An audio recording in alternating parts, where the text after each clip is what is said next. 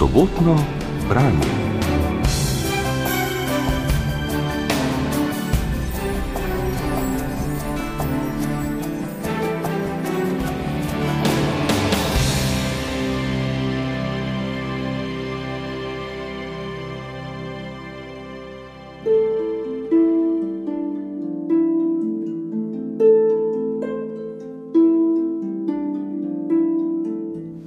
Kaj je storiti umetniku, ko prejme Nobelovo nagrado za književnost?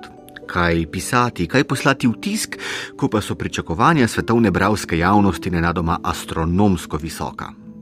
Danes 60-letna polska pisateljica Olga Tokarčuk, avtorica izvrstnih romanov, kot so Beguni, pa Peli svoj pluk čez kosti mrtvih ter Jakobove bukve, je prestižno priznanje prijela leta 2019, na post-Nobelovsko zadrego pa je že leto pozneje odgovorila z zbirko esejev Pozorni pripovedovalec, ki so v založbi literarno-umetniškega društva Literatura zdaj išli še v slovenščini. A kot pravi prevajalka Jana Vnuk, ki že vrsto let skrbi, da Olgo Tokarčuk lahko beremo tudi pri nas, je malo verjetno, da se je velika pisateljica po Nobelu kaj prida obremenjevala s pričakovanji bravk in bravcev po svetu.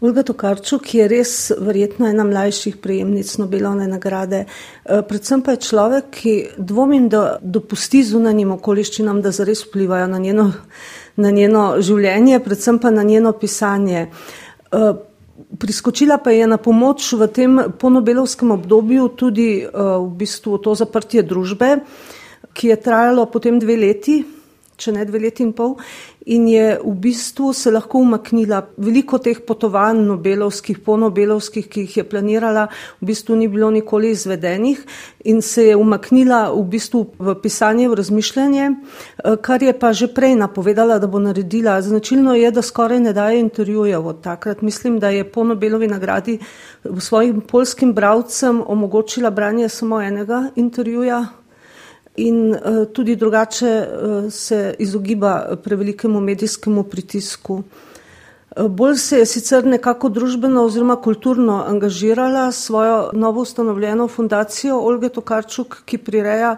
številne dogodke, literarne dogodke, pa tudi razne okrogle mize, pogovore in tam se je še nekajkrat pojavila. Eh, tako da so vsi ti njeni nastopi pred javnostjo v bistvu nekako strogo načrtovani in verjetno zamišljeni tako, da ji ne jemljajo preveč dragocenega časa za ustvarjanje. Eh, ta prva knjiga, eh, Pozorni pripovedovalec, je v bistvu sad njenega esističnega dela preteklih let. Tako da je v bistvu skoraj samo zbrala te eseje, vključno z Nobelovskim predavanjem eh, in jih pač zložila v neko smiselno celoto, pospremila z nekašnim uvodnim tekstom, kratkim oziroma zadaj v knjigi se pojavi eh, in tako je bila ta knjiga narejena. Eh, v bistvu s tem ni tvegala, da bi recimo bravce takoj po Nobelovi nagradi bodi si zelo navdušila, bodi si zelo razočarala, čeprav je bila ta knjiga sprejeta kar z navdušenjem. Je pa tudi tako, da Nobelovsko eh, predavanje je recimo za razliko od recimo Visvave Šimborske, ki jo je sprejela kot zadnja poljakinja pred Olgo Tokarčuk eh, in ki je napisala izrazito skop in eh, tak govor kratek, zelo jedrnat, se je Olga Tokarčuk očitno nad pisanjem, ona sama je temu rekla, te posebne zvrsti, kot so Nobelovska predavanja, se je predvsej bolj navdušila in je napisala zelo, bi rekla, izčrpen dolg govor govor. Eseji, ki jih lahko najdemo v pozornem pripovedovalcu, so, kot smo slišali, po večini sicer nastali še pred Nobelom, to da naslov zbirki kot celoti je vendarle posodil tisti tekst, ki ga je Tokarčuk napisala posebej za predavanje ob prijemu nagrade.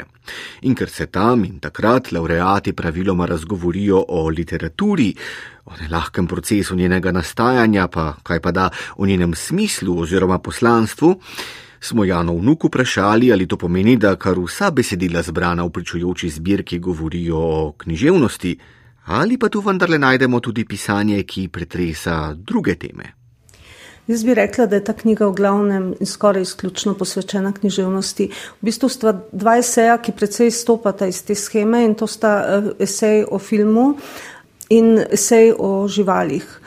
O odnosu, evropskem odnosu do živali skozi zgodovino in sedanjosti. Ampak mislim, da tudi tukaj v bistvu uporablja neke literarne vire za to uh, svoje trditve oziroma uh, v primeru filma v bistvu vse čas opozarja na vplive literature, na vplive posameznih pisateljev na pač filmski opus teh dveh bratov. Medtem ko v primeru v bistvu odnosa do živali se pa prav tako zateka k uh, zgodovinskim mislecem, k tistim, ki odnosa do živali niso problematizirali ali so bili naravnost sovražno nastrojeni do skrbi do živali, eh, pa do tistih, ki so v bistvu začeli opozarjati, da so ljudje naši bratje in da so živali naši bratje in sestre, kot recimo Frančišek Asiški, eh, pa poznaje Bentam, ki je opozoril, da je pač tisto merilo etično, eh, da se z živaljo nekako čutimo empatijo do živali, pač bolečina, ki jo žival lahko izkusi, ne njena inteligenca. Tako da tudi ta esej v nekem smislu uh, mislim, uporablja literarne reference v vse čas. Medtem ko vse preostali del knjige je pa tako ali tako izključno posvečen pisanju, ampak ne samo pisanju, tudi branju. Olga Tokarčuk se nekako zna postaviti na oba pola. V bistvu v nekem izmed esejev trdi, da je predvsem bravka in šele potem pisateljica. Tako da se ji zdi eh, nekako to bralsko dejanje od pisanja pa do recepcije se ji zdi nekakšna celota. Nasploh zagovarja v knjigi sintetični pristop k svetu, k gledanju na svet, upozarja, da je s svojimi razdrobljenimi formami, kot je recimo konstelacijski roman, eh, vse čas obupno želela opozoriti ljudi, da morajo sami nekako videti svet kot povezano celoto, tvoriti sintezo. Če torej pisatelj in pisateljica znata pisati, kako je prav, in če bralec in bravka znata brati, kako je prav, teda je po mnenju Olge Tokarčuk svet, njegovi očitni heterogenosti na vkljub, na vse zadnje mogoče ugledati kot povezano sklenjeno celoto. To zveni zelo lepo, nikaj, ampak morda celo prelepo. Kaj ni vendar tako, da dan danes vse manj ljudi bere, da je vse večjemu številu ljudi precej vseeno za dobre, napete, intrigantne zgodbe, da je literatura skratka nekakšen brezzobi tiger? Jana Vnuk je odgovorila takole. Olga Tokarčuk vsekakor živi v povsem literarni auri. Ona v bistvu mislim, da življenja brez branja in brez pisanja ne bi niti razumela. Zato tudi navaja kot pričo te svoje otroške spomine, kako je preživljala predšolsko dobo v knjižnici, kjer je delal njen oče, sama izbirala knjige, ki jih bo brala, se sama naučila brati. Ampak eh, seveda pa je zelo jasno vidi problem tega, da danes eh, se vse manj bere, da število bravcev drastično upada in poskuša eh, nekako zaubiti to vprašanje, nekako ohranjati literaturo temu dejstvu na vkljub. Zato pogosto piše o tem, recimo, da tudi če bo literatura prihodnosti drugačna, kot je današnja literatura, bo to še vedno naracija, da je v bistvu naracija nekakšna prirojena lastnost človeške vrste, ki dejansko ne more zamreti vse od začetka v ustnem slovstvu, eh, pa do danes, ko se v bistvu eh, težišče zanimanja seli na medije, kot so internet, kot so Facebook, kot so družabna mrežja, eh, ali pa če ostanemo pri literaturi, kot so recimo nanizanke, nadaljevanke, recimo te serije, ki jih mladina rajši ogleduje eh, v bistvu na internetu, kot pa da bi se posvečala branju. Njej se zdi, da je vse to še mogoče umestiti v okvire literature in da tudi, če bo literatura prihodnosti nekaj posebno drugačnega, nam nepredstavljivega, Eh, da bo to še vedno naracija, da bo to še vedno nekaj, kar bo po njenem mnenju spreminjalo svet. Zato je tudi sama naklonjena temu, da se njena dela predelujejo v razne vizualne oblike in predstavitvene. Eh, pogosto jih igrajo v polskih gledališčih cele ali odlomke. Eh, nastala je recimo po Ani in v grobnicah sveta v knjigi, ki je išla te dni tudi v slovenskem prevodu, je nastala opera in stripovska knjiga recimo. Eh, veliko je tudi filmov, eh, predvsem posnetih recimo po novelah iz zbirke Igra na veliko bobnov ali pa tudi po kakšnih drugih delih, pa televizijskih dram. To so stvari, ki so izven Polske manj znane, ampak eh, jih je res veliko. Vtis je torej, da Olga Tokarčuk na pripovedovanje zgodb gleda skozi tisto optiko, ki jo je pred desetletji, v sicer povsem drugačnem kontekstu, vzpostavila misel kitajskega voditelja Deng Xiaopinga, da namreč ni preveč pomembno, ali je mačka bela ali črna, temveč je ključnega pomena, da zares lovi miši.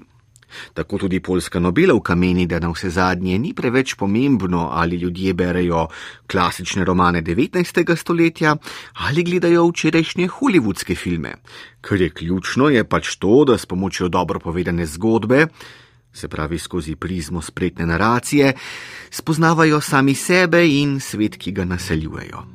In ker vsi skupaj še naprej množično gledamo filme in televizijske serije, pripovedovanju zgodb, s tem pa tudi samo spoznavanju, kaže dobro tudi v prihodnje, kaj ne?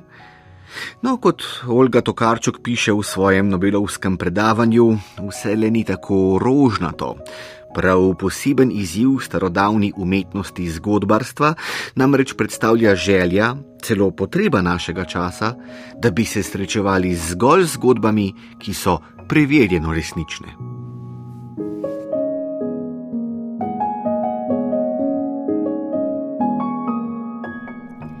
Kategorija lažnih novic, fake news in fake ups sproža nova vprašanja o tem, kaj je fikcija. Bravci, ki so se pogosto pustili prevarati, dezinformirati ali speljati na led, so se polagoma nalezli specifične živčne preobčutljivosti. Odziv na takšno utrujenost od fikcije je lahko ogromni uspeh literature non-fiction, ki v tem velikem informacijskem kaosu kriči nad našimi glavami. Pripovedujem vam resnico, nič drugega kot resnico. Moja zgodba temelji na dejstvih. Fikcija je izgubila zaupanje bralcev, odkar je laž postala nevarno orožje množičnega uničenja, če tudi še vedno ostaja primitivno orodje. Vse prepogosto se srečujem s tem nevernim vprašanjem, ali je to, kar ste napisali, res? Včasih imam občutek, da napoveduje konec literature. To z bravčeve točke zrenja nedolžno vprašanje zveni za pisateljska ušesa zares apokaliptično. Kaj naj odgovorim? Kako naj pojasnim ontološki status Ane Karenine ali Medveda Puja? V tovrstni bravski zvedavosti vidim civilizacijsko nazadovanje. To je resna poškodba zmožnosti več razsežnostnega, konkretnega, zgodovinskega, tudi simbolnega in mitičnega sodelovanja v verigi dogodkov, ki se imenuje naše življenje. Življenje tvorijo dogodki, tudi šele takrat, ko jih znamo interpretirati, ko jih poskušamo razumeti in jim pripisati smisel, se spremenijo v izkušnjo. Dogodki so dejstva, tudi izkušnja je nekaj nepredstavljivo drugega. Izkušnja in ne dogodek je snov našega življenja. Izkušnja je dejstvo podvrženo interpretaciji in umeščeno v spominu. Sklicuje se tudi na določeno osnovo, ki jo imamo v umu, na globoko strukturo pomenov, na katero lahko razpnemo lastno življenje in si ga natančno ogledamo. Verjamem, da vlogo takšne strukture izpolnjuje mit. Mit se, kot vemo, ni nikoli zgodil, vendar se dogaja vedno. Danes ne učinkuje več samo s prigodami antičnih herojev, marveč prodira v povsod prisotne in izjemno priljubljene zgodbe sodobnega filma, igr, literature. Življenje prebivalcev Olimpa se je preselilo v dinastijo herojska dejanja junakov pa opravlja Lara Croft. V tej strastni delitvi na resnico in laž ima zgodba o naši izkušnji, ki jo ustvarja literatura, svojo lastno razsežnost. Nikoli nisem bila posebej navdušena nad preprosto razmejitvijo na fikcijo in nefikcijo. Preko ne jo lahko razumemo kot zgolj deklarativno in dogovorno. V morju preštevilnih definicij fikcije mi je najbolj všeč tista, ki je tudi najstarejša in izvira od Aristotela. Fikcija je vedno neka vrsta resnice.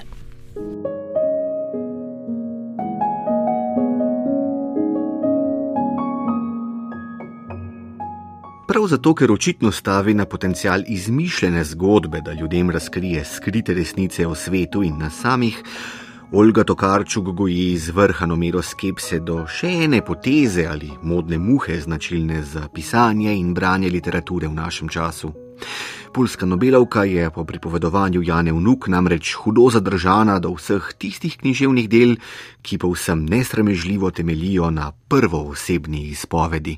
Če pa ocenjuje eh, literaturo sedanjosti, pa mislim, da njo nekoliko moti ta eh, trenutno prevladujoči slog v bistvu autobiografske literature, v bistvu spominov, pripovedi, v bistvu o lastnem avtorskem egu, tudi če gre za neke recimo težke zgodovinske okoliščine zgodovine, ampak kljub vsemu pravi, da je v bistvu ta prva osebna naracija, ki je bila v nekem zgodovinskem obdobju koristna in zaželena, nekako prerasla svoje meje in postala pritisk hrušč, ki vlada eh, v svetu. Zaradi tega sama dejansko. Eh, moramo reči, da že od začetka dejansko piše tretjo osebno naracijo, eh, uporablja tretjo osebnega personalnega pripovedovalca in da v bistvu ima nekako za privilegirano zvrst uh, roman. In uh, v bistvu tudi v tej knjigi, mislim, jaz v tej knjigi pravzaprav vidim eh, najbolj dragocen prispevek, je ta prispevek, ki osvetljuje pisanje Olge Tokarčuk same. Ne glede na to, da ona skozi gleda, kako literatura vpliva na svet, se pa tukaj posveti čisto znotraj literarnim temam, ki zadevajo njeno delo. Na ta način torej Olga Tokarčuk svojim najbolj unetim bravkam in bravcem gostoljubno odškrne vrata v pisateljsko delavnico in jim tako pomaga bolje razumeti, kako pravzaprav nastajajo njena lastna besedila. A to spet ne pomeni, da v esejih zbranih v pozornem pripovedovalcu govori izključno o sebi. Nasprotno, zelo spretno se je sposobna uživeti tudi v druge ljudi, ki tako ali drugače pomagajo poganjati literarni obrat in pokazati, kako dragocen je pravzaprav njihov prispevek. Pravohvalnico, na primer, zapoje prevajalkam in prevajalcem, ki znajo stara, že stoletja kanonizirana besedila pomladiti in tako približati sodobnemu bravskemu občestvu. Zato smo ob sklepu pogovora Jano Unuk vprašali, ali se je kot prevajalka prepoznala v pohvalnih besedah Olge Tokarčuk. No, naša sogovornica je v odgovor povedala, da razmišljanja Olge Tokarčuk o prevajanju vendarle ni mogoče povzeti s tako preprosto in enosmiselno besedo, kot je hvalnica, in da polska Nobelovka, sleko prej kontraintuitivno, ni navdušena le takrat, ko zaradi prevoda to ali ono razume bolje, ampak tudi takrat, ko prevod scela umanka in se mora torej frontalno soočiti z lastnim nerazumevanjem. Ja, to je malo bolj teoretičen esej in dejansko je poln nekašnih paradoksov. Če tako rečem, preden je napisala to eh, hvalnico, da tako rečemo prevajalskemu poklicu, ki ustvarja po njenih besedah eh, pod okriljem boga Hermesa, eh, ki je tudi hermeneutes oziroma razlagalec. Eh, je v bistvu navedla nekaj svojih pisateljskih pogledov na to početje, ki bi tako rekoč smiselnost prenašanja pomena iz jezika v jezik eh, tudi malo, ne vem, eh, omajajo. Ne? Ker recimo je pred to hvalnico prevajanju beremo tudi hvalnico nerazumevanju kot nečemu, kar bogati človeško psiho, da ne rečem recimo tudi psiho pisatelja in ustvarjalca. Ravno s to anegdoto, kako si dajo mladi utetovirati razne napise, ki jih v bistvu ne razumejo, potem kako se je imenitno znajti v tujem mestu in ničesar razumeti, ker so pač črke pisave tam kašne čisto drugačne od naše latinične.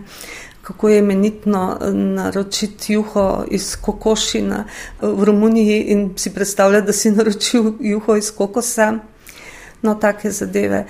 In prav tu je nemara prava moč esejev zbranih v pozornem pripovedovalcu. O čemrkoli namreč že piše, zna Olga Tokarčuk vedno znova, sredi znanega in splošno sprejetega, odpreti tudi neznano in presenetljivo perspektivo. To je bilo sobotno branje, govorili smo o pozornem pripovedovalcu, esejistični zbirki Olge Tokarčuk, ki je išla pri založbi Literarno-umetniškega društva Literatura v knjižni ediciji Labirinti. Gostja pred našim mikrofonom je bila Jana Vnuk, ki je delo prevedla. Odlomek iz naslovnega eseja je prebrala Jasna Rodošek. Odajo, ki lahko prisluhnete tudi v obliki podcasta ali jo poiščete na spletni strani prvega programa, sem pripravil in vodil Goran Dekliva, glasbeno jo je opremil Rudi Pančur, zvočno pa jo je oblikoval Franci Modar.